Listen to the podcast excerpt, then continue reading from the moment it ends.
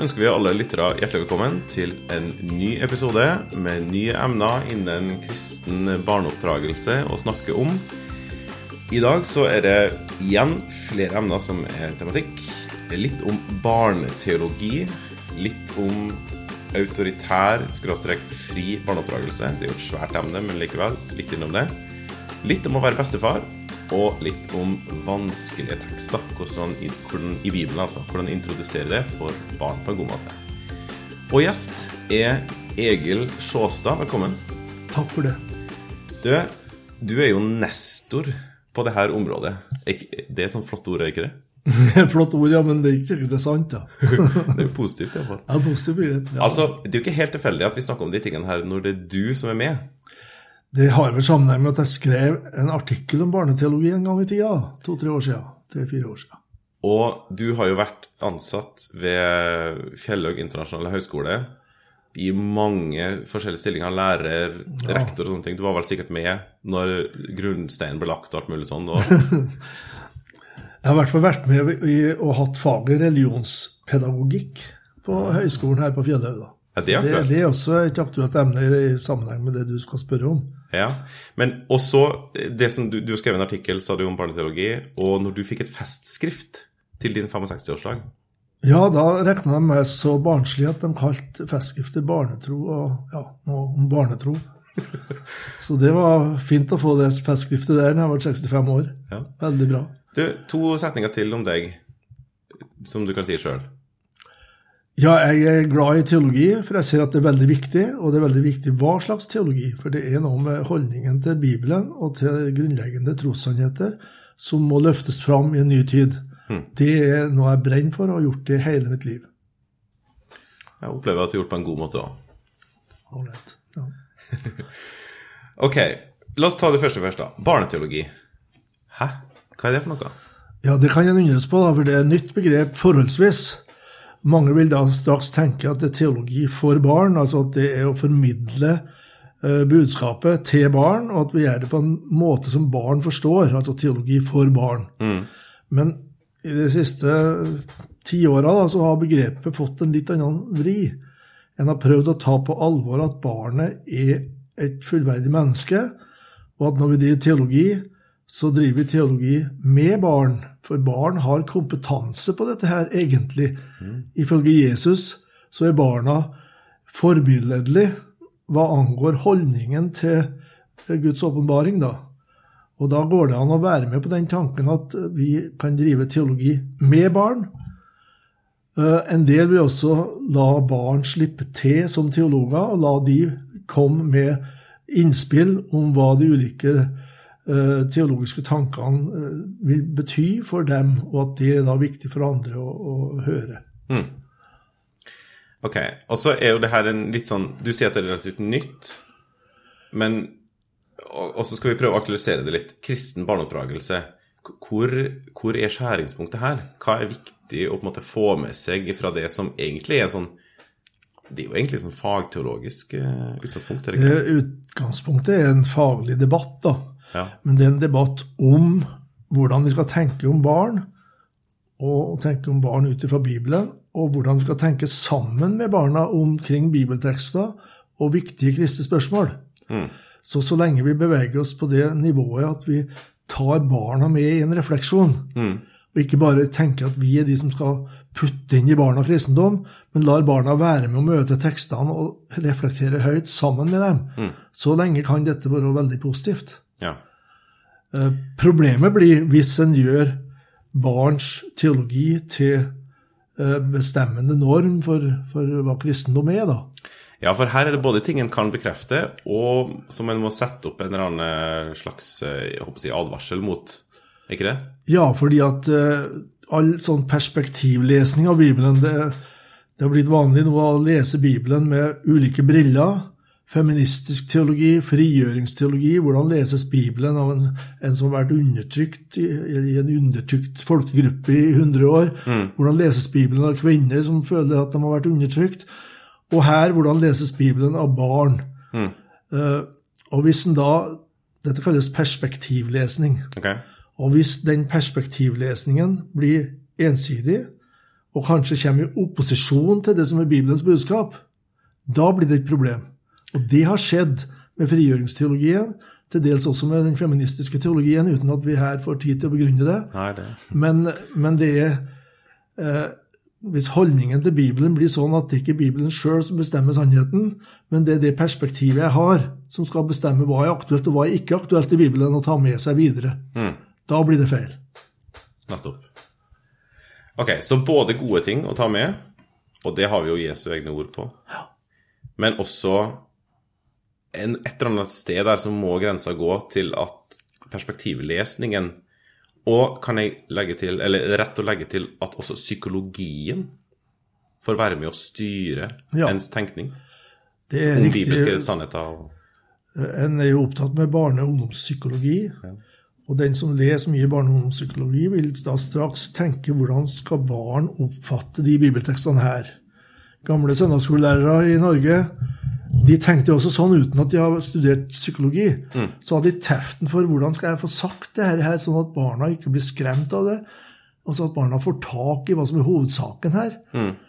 Eh, Og så hadde de fortalt bibelfortellinga og formidla det med, en, eh, med skal vi si, et nivå som, som barna har grepet. Veldig mange veldig dyktige søndagsskolelærere gjennom historien. Ja, for det er jo noe naturlig over det. Man, selvfølgelig gjør man det, på en måte. Det, det er klart.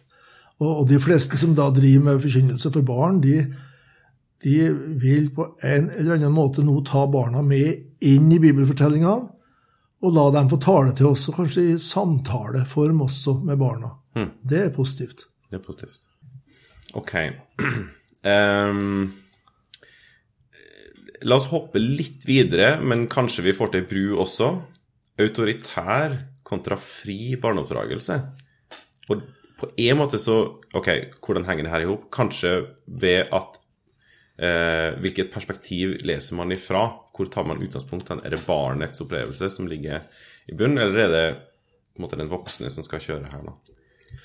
Det ligger naturligvis ei bro her imellom den gamle måten å tenke på om teologi for barn, og det autoritære. Det går an å tenke seg bro der. Ja. At, At det blir belærende. at autoritær barneoppdragelse det blir det at vi som voksne belærer barna om rett og galt og sant og usant, og vi kommer med en teologi for barna uten å ta barna med på en samtale om det og en drøvtygging av det. Mm.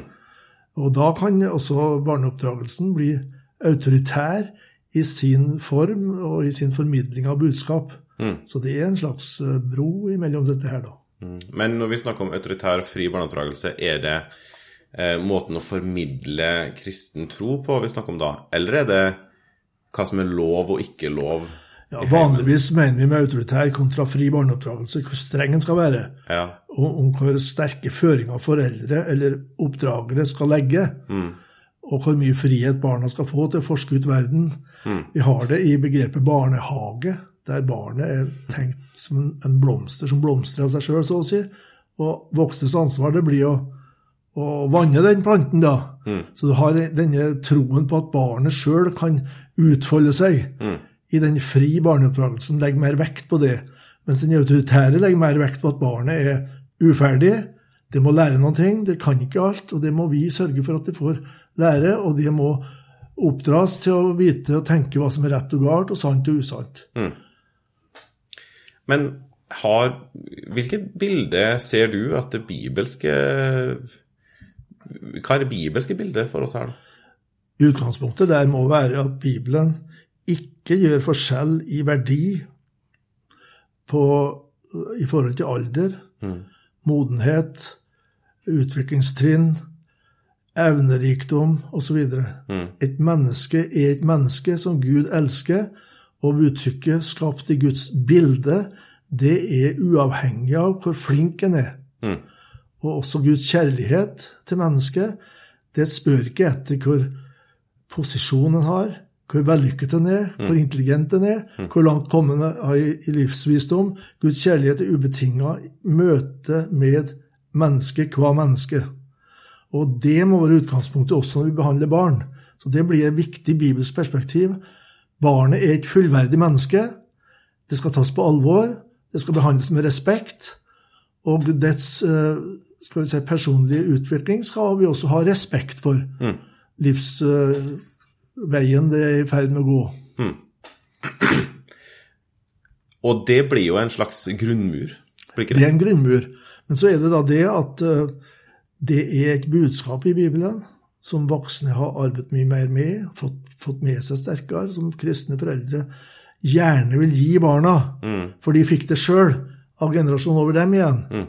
Og det er en viktig tanke i Bibelen, at foreldregenerasjonene har et ansvar for å både gi barna innblikk i Guds lov og den frelsens historie som Gud har med sitt folk i Det gamle testamentet, og gjennom Jesus i det nye.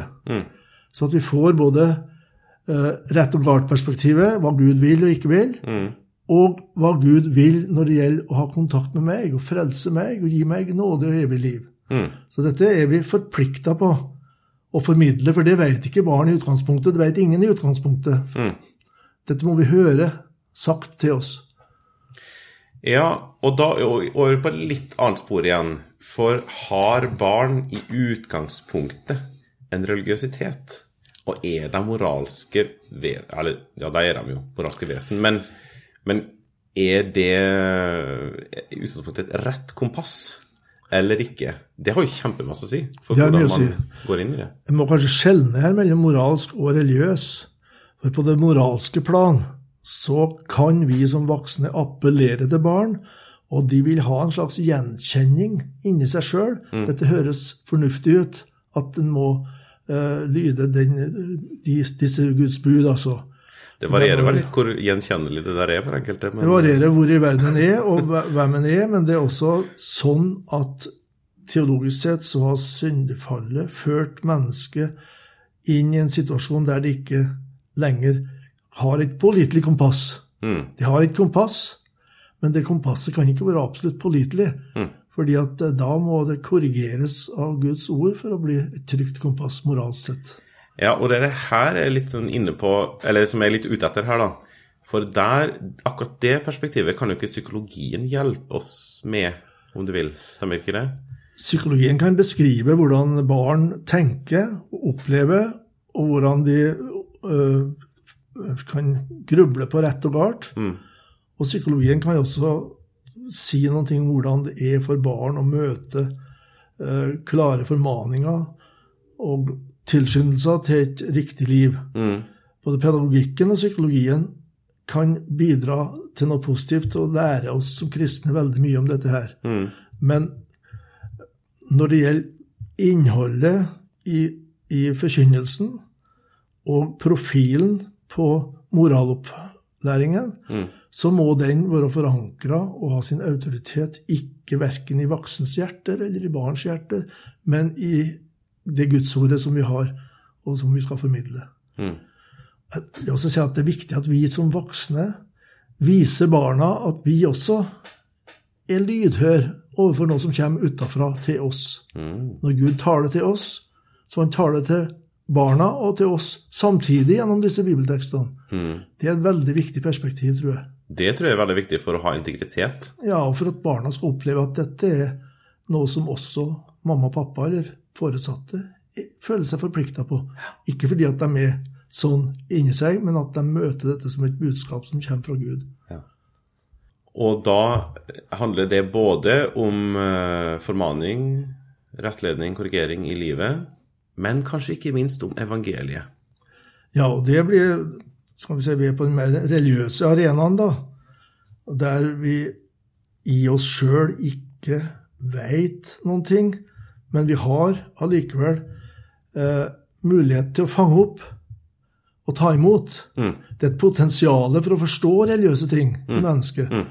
Og den religiøsiteten som vokser fram ut av menneskehjertet sjøl, det viser at det er, det er det, det er noe i bunnen der som, som er og vil være religiøst. Det tror jeg det er. Men det er da veldig viktig at evangeliet, som forkynner noe om Jesus, det er noe om, om uh, Guds uh, handlinger gjennom Jesus og det han vil med oss, som vi ikke kan komme på av oss sjøl. Og det er det Paulus sier en plass, at det som ikke oppkom i menneskehjertet, menneskehjerte, det har Gud beredt. Mm. Og det han beretter gjennom det som har skjedd med Jesus. Og det må vi lære. Det må komme til oss utenfra som et gledelig budskap. Både voksne og barn. Mm. Vi trenger å høre at Jesus er den som har gjort opp for oss. Han har åpna en vei for oss. Han tar imot oss når vi faller i synd. Han, han, tenker på å bevare oss hele livet gjennom til vi når fram til Guds rike. Mm. Det er et budskap som vi ikke uten videre kan finne i oss sjøl, men det kommer i Den kristne kirkes forkynnelse ut fra Bibelen. Også for barn. Også for barn. Og for voksne. Og det blir jo en utfordring da å få sagt dette på en måte som Og på et språk som barna griper. Ja. At det ikke blir for teologisk språk, for høytidelig fagspråk, men at vi og Jeg, syns bibelfortellingene er de aller beste, da. Da blir du med inn i personers møte med Jesus, og du kan identifisere deg med Peter, f.eks. Uh, uten at du forklarer, så kan barna allikevel kjenne at jeg er i slekt med den karen her. altså. Mm. Og Jesus oppfører seg sånn imot han. Mm. Da får du et inntrykk av hvordan Jesus egentlig er, Mm. uten å ha begreper som rettferdiggjørelse og, og de teologiske begreper som vi bruker når vi skal systematisere dette her. Nettopp. Men du, det er et godt uh, springbrett videre. For introduksjon for vanskelige tekster for barn. Og her har jo Her er det jo veldig mange som har tenkt forskjellig, og det tenkes forskjellig om det. Hvilken grad eh, skal psykologi og erfaringspsykologi styre? sant? Hvilken grad skal tekstene i gåseøyne nakent bli presentert for barna? Um, og nå tenker jeg Du var inne på bibelfortellinga, men da tenker jeg litt på de vanskelige bibelfortellingene og de vanskelige tematikkene. Ja, hva skal man tenke om det? Eh, For det første så tror jeg det er veldig viktig at de som har ansvar for forkynnelse og undervisning for barn, at de sprenger grensene for det som er typiske barnemotiver i Bibelen. da Sakkeus og den barmhjertige samaritan, det er veldig viktige tekster. Og Daniel i løvehulen. Men, men det er flere tekster i Bibelen. altså er mye større rikdom i Bibelens fortellerunivers Mm. enn det som mange av oss bruker i praksis.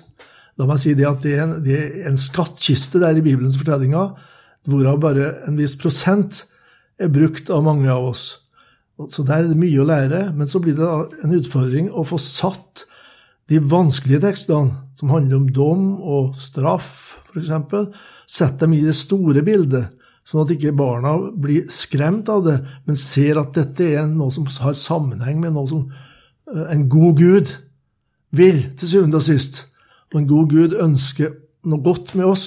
Mm. Og så er det noe dramatikk inn i dette bildet, som da beskriver uh, Guds hellighet, f.eks. Mm. Men som allikevel ikke da blir skremmende når du får høre at eh, det er nåde for syndere, da, med, sagt med barnas språk. Og det at uh, Gud lot uh, den dypeste, det dypeste mørket ramme seg sjøl.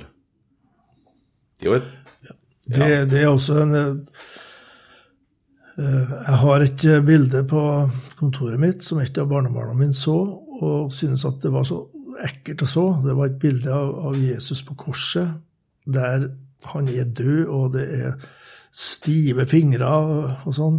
Kunstnerne har vært veldig gode. Grünewald heter han. Men for en femåring å se det Han var ikke liksom på bølgelengde med den måten å framstille det på. Mm. Så jeg måtte ta en stund og forklare han hva dette er. Mm. Men hvis vi har ro og tid til å forklare barna hva det vil si det Jesus gjorde for oss på korset, så har jeg tro for at de griper det, altså. Mm. At han døde i stedet for oss. Altså at han åpna en vei for oss. Det var kjærlighet i, i Guds hjerte som drev han til å sjøl gjennom Jesus gå inn og ta det som vi skulle ha, ha hatt straffen for, for å holde oss til den begrepen med, med straff. Mm. Det tror jeg det går an å, å formidle til barn uten at det blir skremt, men at de ser at dette er Guds godhet, altså. Det er jo kjærligheten som er drivkraften her, og dette kan jeg få ta imot og møte. Og han kommer til meg som en god hyrde med disse naglemerkene i hendene. da. Og så tenker jeg, her er jo den store fordelen som forelder at man har tid. Man møter jo sine barn mange mange ganger og har mulighet måtte, til å ikke bare si det her én gang i en andakt, f.eks. i et barnelag eller en eller annen setting som er på en måte utenfor hjemmet, men man har faktisk mulighet til å ja, ta opp det som blir misforståelser. For barn misforstår jo også de tingene her. Ja, og da, da kommer barneteologien inn i en teologi med barna, at vi har tid til å snakke sammen, og til å undres over tekstene, til å, til å gruble litt sammen med barna over det som møter oss i bibeltekster. Og kanskje sette på sporet av å forstå disse tekstene i den store fortellingens sammenheng. da. Ja, sant. Men å gjenta det for barna, svare på spørsmål, veldig fint. altså At en kan ha, ha en dialog med barnet. Mm. Og jeg vet ikke om jeg skal også nevne at det er viktig at vi som er voksne, ikke overfor barna framtrer som de store teologene, men, men som folk som trenger det budskapet sjøl personlig. da. ja. At, at vi er så ydmyke at vi innrømmer det at eh, vi, vi har har ikke alt på stell, men vi trenger å møte den Gud og Jesus som vi ser i Bibelen. Vi også. Og med det så klarer man kanskje også i enda større grad å formidle at det her handler ikke om kunnskap alene, men et reelt liv i lag med det. Ja, og at barna ser at dette er så viktig at mor og far ber. F.eks. kan folde hendene og ane det at nå kommuniserer de med Jesus og med Gud. Eh, Det er jo veldig fint da, når foreldre som sjøl personlig ber, kan be sammen med barnet. Mm.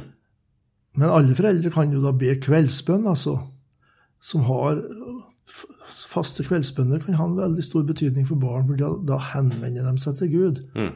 Det lille de vet om Gud, da, det er så mye at de skjønner at han går det an å be til. Han Ja. går det an å spørre om ting. Han går det an å be om nærværet fra. Mm. Og du kan få det perspektivet inn over livet sitt, at jeg har med Gud å gjøre, da som er god, og som vil meg godt. Du var inne på femåringen, for du er jo bestefar. Ja, jeg er bestefar til tolv. Tolv, ja, ok. Men eh, hva, det, jo, det kan være at det er noen som er besteforeldre som hører på det her også. Ja, kanskje okay. det. ja. Skyt litt fra hofta. Kristen barneoppdragelse, besteforeldrerollen. Ja, det å ha tid til barna. Det er jo begrensa hvor mye tid en kan ha, men, men å, å være der og bli kjent med barnebarna sine. Mm. Og bli kjent eh, liksom på øyenhøyde, da, ikke bare ovenfra og ned. Mm. Det tror jeg er viktig. Men eh, også det at en bruker anledningene som, som gir seg, f.eks. høytidene. Ja. Hvis jeg skal kalle det frisparket her, er altså det, det er ja, vi sky- skyter rett Ja, innpå. Hva er frisparket ditt ja. inn i eh, kristen barneoppdragelse? Da vil jeg si det å bevisstgjøre oss på de kristne høytidene, det er nesten 2000-årige tradisjoner som er i ferd med å forvitre. Og det har vi som kristne ikke ansvar for at det ikke skjer i våre miljøer. Nettopp. Fordi at høytidene har en god og gir oss en veldig god mulighet til å fortelle f.eks. nå til jul. Og gjenfortelle historien Mm.